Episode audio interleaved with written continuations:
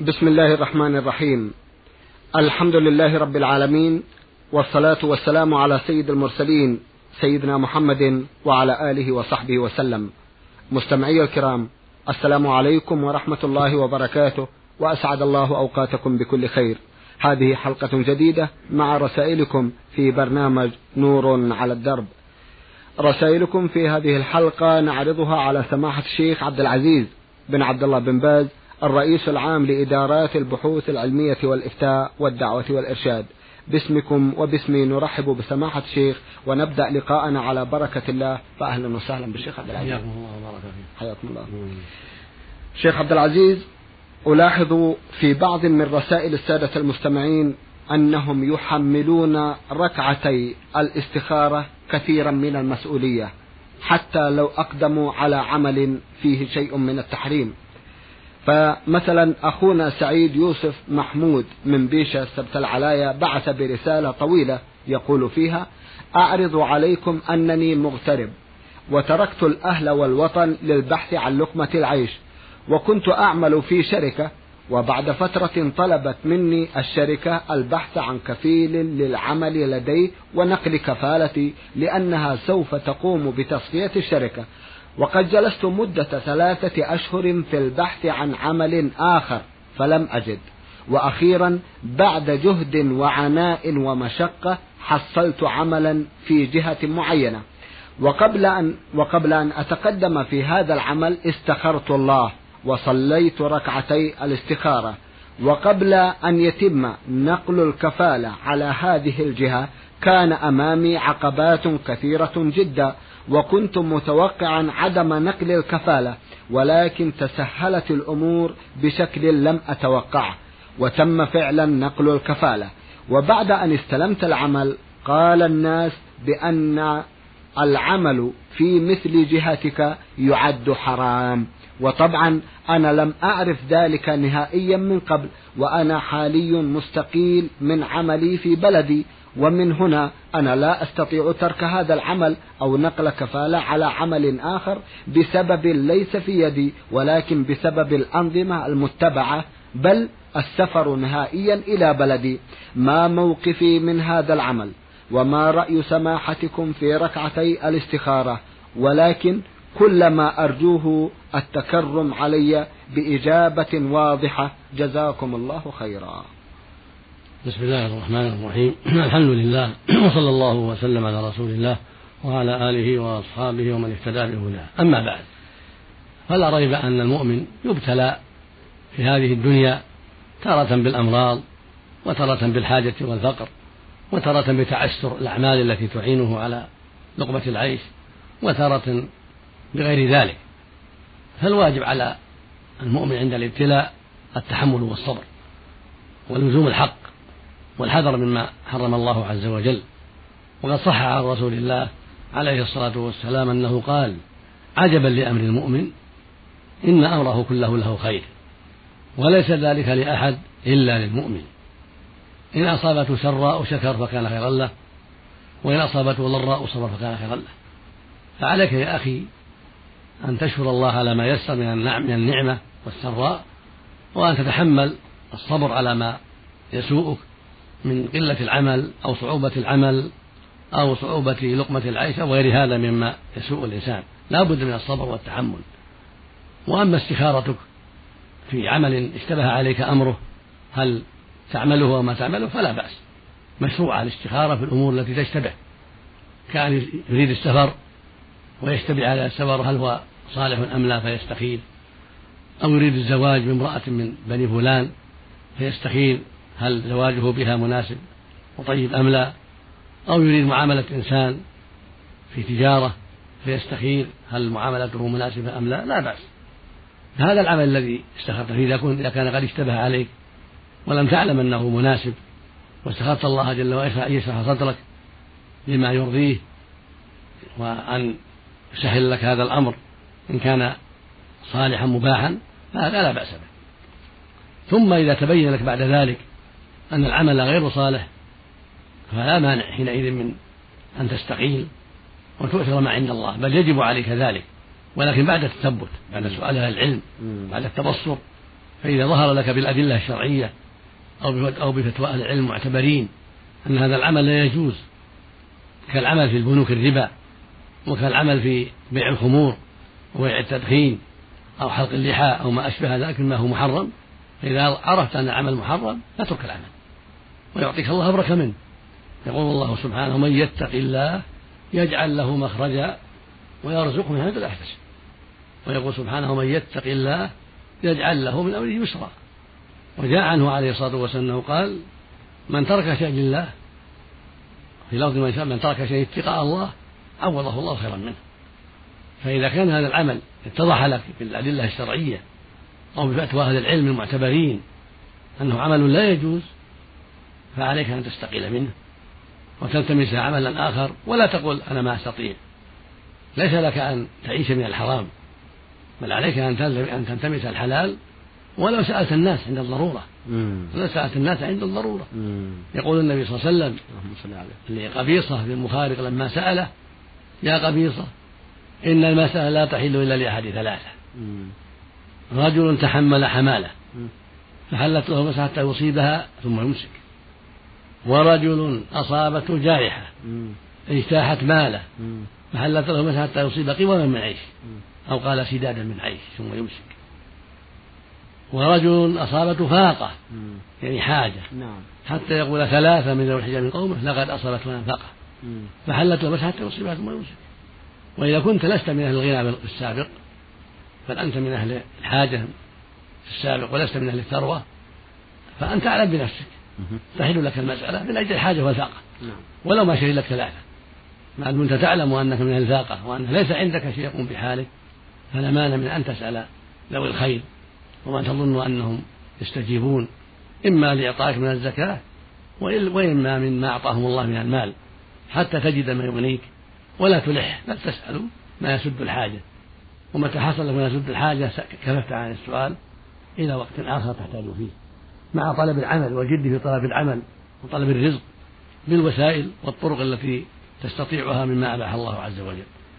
أما أن تبقى في عمل محرم لأنك فقير فليس لك ذلك. وفق الله الجميع. نعم. اللهم آمين. أه، سماحة الشيخ إذا كان العمل يختلط حلاله بحرامه ما الحكم والحالة هذه؟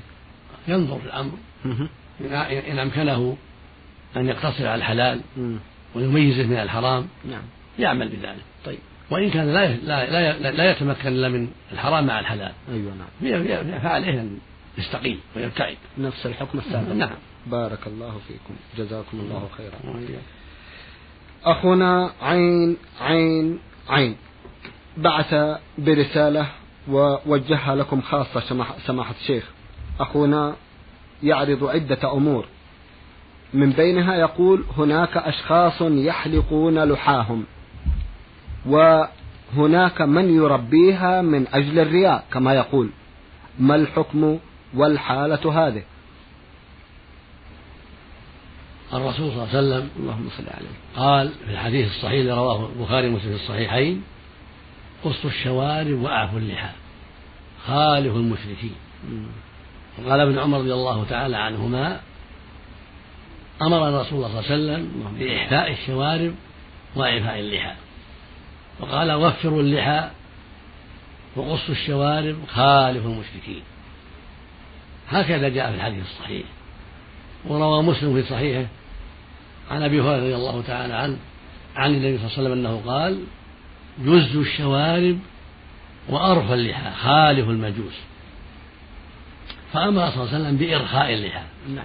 وأمر بإعفائها وأمر بتوفيرها. وأمر بإحفاء الشوارب وقصها وجزها. فالواجب على المسلم أن يمتثل أمر الرسول صلى الله عليه وسلم. لأن الله يقول وما آتاكم الرسول خذوه ومناكم فانتهوا. ويقول صلى الله عليه وسلم ويقول جل وعلا أطيعوا الله وأطيعوا الرسول. ويقول سبحانه وتعالى من يطع الرسول فقد أطاع الله. فعليك يا عبد الله أن تطيع الرسول صلى الله عليه وسلم فيما أمر وأن تنتهي عما نهى عنه. أما كونه كونه يرائي هذا بينه وبين الله نعم. نعم. ليس للناس إلا الظاهر نعم. نعم. وعليه أن يتقي الله ويخلص لله في إعفائها وتوفيرها والله الذي يحاسبه فالواجب عليه أن يتظاهر بالمظهر الشرعي وأن يأخذ بالمظهر الشرعي وأن يعفي لحيته ويغفرها وأما كونه أراد رياء هذا ليس إليك أنت لا تعلم ما في القلوب ولله الذي يعلم ما في القلوب فعليه هو أن يتقي الله وأن يفعلها إخلاصا لله وطاعة لله ولرسوله عليه الصلاة والسلام. ولو فرضنا أنه فعلها رياء فهو خير ممن حلقها. هو خير الذي حلقها تظاهر بالمعاصي. أظهر نعم. المعاصي والمخالفة للرسول صلى الله عليه وسلم. نعم. أما هذا أظهر الطاعة نعم. وأظهر الخير وأخفى الرياء والله اللي يحاسب على نيته الباطنة ليس المخلوقون يحاسبون. ولعله يرائي اليوم ويتوجه غدا إلى الإخلاص. ويهديه الله إلى الإخلاص يا الله لأن طاعة الرسول صلى الله عليه وسلم التي قدرها بفعله وإظهاره إعفاءها قد يغلب عليه بعد ذلك أن يقدرها في باطن أمره نعم. وأن يخلص لله عز وجل فالذي جعله يظهر الإعفاء والتوفيق وسبحانه قادر على يجعل في قلبه أيضا الإخلاص يا الله. وأن يكون هذا العمل لوجه الله سبحانه وتعالى جزاكم فبكل حال إظهار الطاعة نعم. خير من إظهار المعصية وأما الإخلاص فبين العبد وبين ربه بارك الله فيكم. أخونا أيضا يقول سؤال مثير في الواقع. يقول هناك أشخاص قدوة للجميع لكنهم يحلقون لحا لحاهم. فما رأيكم؟ إذا عصى العالم ربه فليس بقدوة فيما عصى فيه ربه. أيوة. اليهود علماء ومع ذلك عصوا الرسول صلى الله عليه وسلم ولم يستجيبوا للحق فعابهم الله وغضب عليهم. فمن شابههم من العلماء فله نصيب من غضب الله بقدر معصيته. ومن شابه النصارى في التعبد بالجهالة والإعراض عن الدين فله نصيبه من الضلالة والتشبه بالنصارى. ولهذا قال سفيان بن عيينة رحمه الله أو الثوري من فسد من علمائنا ففي شبه من اليهود ومن فسد من عبادنا ففي شبه من النصارى. فالواجب على المسلم أن يحذر الشبه بالطائفتين جميعا. فإذا وجد من العالم معصية فلا يتأسى به المعصية. بل ينصحه ويدعو الله له بالهداية ويجتنب الاقتداء به في ذلك. فالقدوة هو الرسول صلى الله عليه وسلم. هو العالم المتبع لا العالم العاصي. فإذا عصى في حلق لحيته أو في إسبال ثيابه أو في أشياء أخرى من الأمور فالعامي لا يقتدي به في ذلك. بل يتأسى بأهل العلم الموفقين الذين اتقوا الله وتابعوا الرسول صلى الله عليه وسلم والوصف في الحقيقة بالرسول لأنه الأصل والإمام عليه الصلاة والسلام. والعلماء الذين اتبعوه إنما اتبعوه لأنه الأسوة عليه الصلاة والسلام ولأنه الإمام المقتدى به فأنت إذا اتبعت العلماء الطيبين في إعفاء اللحية وفي كل ما شرع الله فأنت بهذا متبع للرسول صلى الله عليه وسلم الذي تابعه العلماء في الحق تابعوه فيما شرع لهم سبحانه وتعالى بما شرع لهم عليه الصلاة والسلام. عليه جزاكم الله خيرا. أخونا يقول شخص اقترض مبلغا من شخصية اعتبارية حوالي مليون ريال تحت حساب ما يسمى جاري مدين. وبعد فترة اضطرته الظروف ولم يتمكن من التسديد. فوجد هذه الشخصية طيلة هذه المدة تأخذ فوائد بمعدل عشرة في المئة. فيرغب الانتهاء فما هو العمل؟ كما أن الشخصية لم تعطه هذا المبلغ إلا مقابل عقار والعقار أصبح الآن لا يساوي شيئا وإذا أرادت الشخصية أن تقسم الفوائد من رأس ماله فما الحكم أيضا؟ أفيدونا عن هذه الأمور لو تكرمتم. ليس للشخصية التي أشرت إليها واقترضت منها ليس لها أن تأخذ الفوائد وليس لك أن تستجيب لها في ذلك لو طلبت. إنما عليك أن تؤدى المال الذي أخذته منها برأسه فقط من دون زيادة متى يسر الله لك وزال العسر.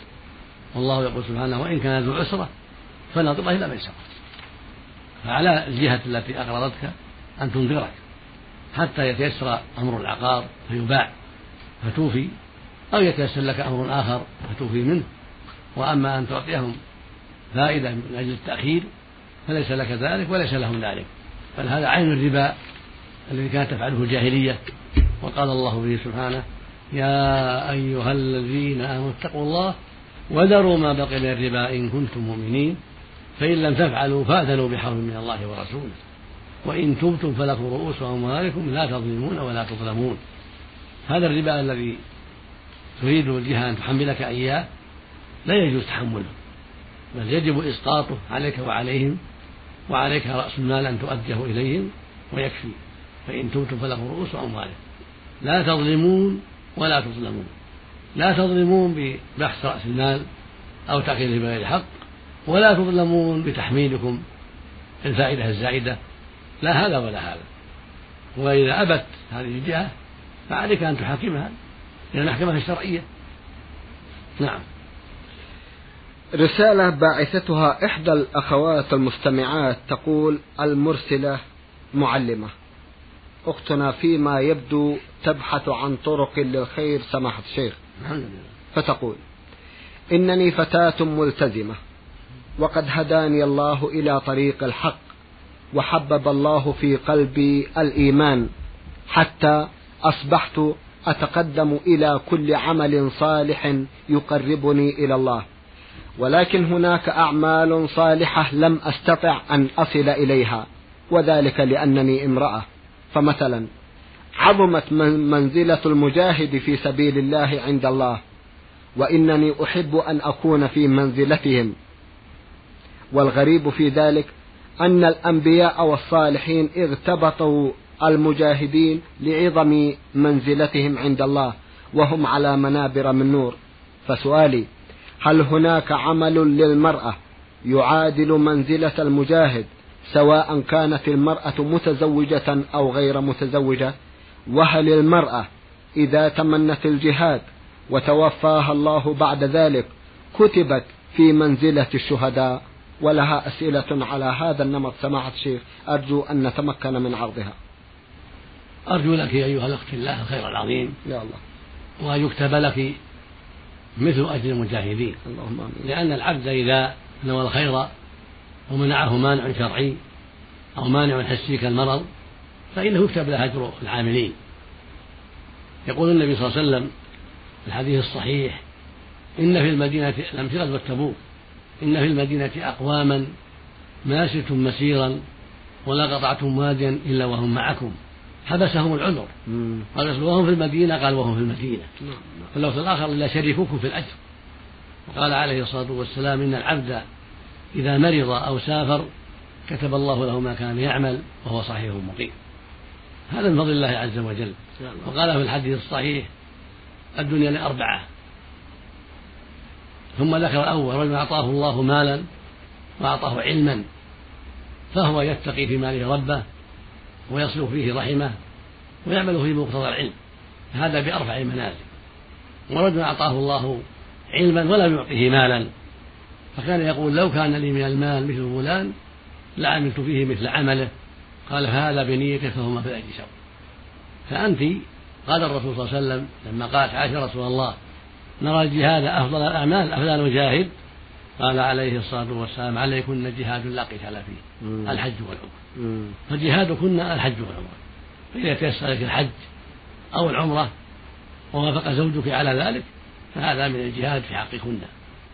وعليك الجهاد بالمال إذا كان عندك مال. تساعد بالمال حسب الطاقة.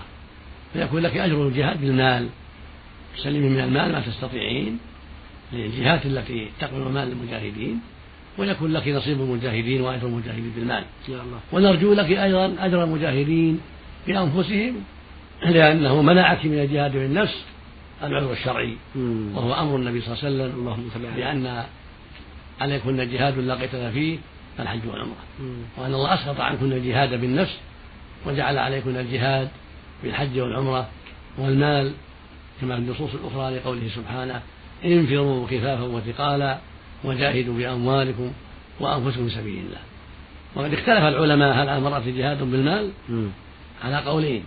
والأقرب والأرجح أن عليها جهادا بالمال لأنها داخلة في العموم. إذا كان عندها مال وعندها سعة فإنها تجاهد من مالها مع قيامها بما يسر الله من الحج والعمرة. نعم. بارك الله فيكم. أختنا سماحة الشيخ تركز على موضوع كونها امرأة والذي فهمته من سماحتكم. أنها وإن كانت امرأة فعندما تحسن النية فإن لها مال الرجال. نعم نعم. لأنه منعها العذر الشرعي. نعم. فإذا تركت الجهاد لأجل العذر الشرعي وهي تود ذلك وتريده لولا هذا العذر كتب الله لها أجر المجاهدين. كالشيخ الكبير والمريض. نعم. إذا كان حبسه العذر وهو يريد الجهاد لولا العذر كتب الله له أجر المجاهدين. نعم. الحمد لله هذا فضله سبحانه. الحمد لله هذا فضله جزاكم الله خيرا. كأني بالشيخ يقول إن المرأة إذا أحسنت النية فقد تصل إلى مراتب لا يصل إليها الرجال. نعم نعم. بنيتها بنيتها بنيتها جزاكم الله خيرا. نعم. لقد عرفت منزلة المقرض عند الله وأحب أن أخوض في هذا العمل ولكن المشكلة أن والداي لا يرضيان بذلك. لك أن تقرضي من غير علمهما لأنهم لأنهما ليس لهما أن يمنعاك من الأمر الشرعي ولكن ينبغي أن تظهري طاعتهما في ذلك حتى لا يكون بينكما شر. فالرسول عليه السلام قال إنما الطاعة في المعروف وليس من المعروف منعك من التوسيع على إخوانك في الله وأخواتك في الله. ليس هذا من المعروف. وإذا كان يخشى يخشيان ذهب المال فاحتاطي وأقرضي بالرهن بالضمان طيب. جمعا بين المصالح بين حفظ مالك وبين إرضاء والديك. وإذا كان لا وإذا كان لا يسمحان ولو بالضمان ولو بالرهن فأقرضي سرا ولا حرج عليك في ذلك. بارك الله فيكم. هذا إذا كان القرض للبشر لكن إذا كان لله سبحانه وتعالى. هذا فكيف تنصحونه هذا العمل الصالح هذا العمل يعني تجتهد في الأعمال الصالحات مطلقة أيوة. لكن إذا كان والداها مم. لا لا يرضيان بأن تصوم مثلا ويقولان إن هذا يشق عليك أو كذا أو كذا فإنها تصوم سرا ولا تبدي لهما شيئا من ذلك أو في أيام الشتاء نعم. حتى لا يفضل لذلك نعم. لأن طاعة الوالدين لها شأن عظيم نعم وهما لهما وهما لهما العناية العظيمة بأولادهما من الرحمة والعطف والخوف على الولد أو البنت فإذا جاملتهما وأظهرت يعني الموافقة على رأيهما فلا بأس بذلك من باب المجاملة. نعم. من باب تطيب النفس حتى لا يكون في نفوسهما عليها شيء. وهي تنتهز الفرص في الأوقات المناسبة وإذا تركت الصيام طاعة لهما فلا شيء. يرجى لها في ذلك الخير العظيم وثواب الصائمين. بارك الله فيك. لم يتيسر لها أن تصوم سرا لأنهما يعرفان ذلك. تدع الصيام ولا آه، تشاق والديها. ليس لها أن تشاق والداها بل تلاحظ رضاهما لأن برهما واجب. نعم. والصوم النافلة تطوع. نعم. إذا كان لا يسمحان ويشق عليهما وربما ضرباها أو آه، هجراها تترك ذلك. نعم. بارك الله من فيكم. باب ترك المستحب نعم. لحفظ الواجب. لحفظ الواجب. نعم. بارك الله فيكم. إذا القرض في جانب الله تعالى لا نعم. يقتصر على القرض المادي المعروف نعم، نعم. بالدينار والدرهم. إن تقرضوا الله قال حسني بالطاعة. بالطاعة. نعم. بارك الله فيكم. أنا معلمة وقد قمت بواجبي في التعليم ابتغاء رضا الله فلم أقصر فيه أو أتهاون عن بعض ولكن قد تعتريني بعض المشكلات. فمثلا الطالبة تكون غير مجتهدة أي. تقول أنا معلمة وقد قمت بواجبي في التعليم ابتغاء رضا الله فلم أقصر فيه أو أتهاون عن بعض ولكن قد تعتريني بعض المشكلات فمثلا الطالبة تكون غير مجتهدة أو لم تؤدي واجبها فأنا بطبيعة الحال أقوم بضربها حتى لا تكرر هذا الإهمال. فما حكم ضرب الطالبات لتأديبهن وما صحة قول رسول الله صلى الله عليه وسلم؟ العصا لمن عصى نسبت هذا إلى الرسول صلى الله عليه وسلم. أرجو أن تفيدوها سماحة الشيخ. لا شك أن الواجب على المعلمة تحري أسباب نجاح الطالب والطالبة. فإذا كانت الطالبة تقصر وتتساهل في أداء واجبها فعليك أن تنصحيها وتوجهيها وإذا لم ينفع النصح ولم تتأثر بالكلام فلا فلا مانع من تأديبها التأديب الذي يعينها على أداء الواجب من دون خطر تأديب ليس فيه خطر لا جرح ولا كسر ولكنه تأديب يحصل به المقصود من تشجيعها على العمل وتنشيطها على العمل وأنت مأجورة في ذلك. كما يؤدب الإنسان ولده على الصلاة قال النبي صلى الله عليه وسلم مروا أبناءكم السبع واضربوهم على العشر. فالضرب لل- للتأديب وكما يؤدب الرجل زوجته للقيام بحقه أو بحق الله سبحانه لا بأس بهذا. فهذا من هذا الباب. تأديب الطالب وتأديب الطالبة عند وجود التقصير منهما والتساهل أمر مطلوب. وفي مصلحتهما لكن مع مراعاة عدم الخطأ. ذلك. نعم. وأما قوله في الحديث العصا من العصا فليس بحديث. أيوة. وليس بوارد عن النبي صلى الله عليه وسلم. اللهم صل وإنما هذا من كلام العامة. نعم. بارك الله فيكم. سماحة الشيخ عن تربية المعلم للتلاميذ يدور حديث وحديث في الصحافة وفي وسائل الإعلام. وكانت نتيجة ذلك الحديث أن ذهبت هيبة المعلم. وأصبح في مكان خوف من قبل بعض الطلبة الذين لم يؤدبوا كما يجب. لعل لسماحة الشيخ رأي في هذا وفقا لشرع الله. وما هو الحديث؟ الحديث أن تلك الصحافة أو وسائل الإعلام تلك لا ترى أن يقوم المعلم بضرب الطالب إطلاقا. يعني يخوضون في هذا؟ يخوضون في هذا حتى أن الطلبة قرأوا هذا فأصبح المعلم بدون شخصية أمام تلاميذه. لا هذا هذا خطأ من الصحافة.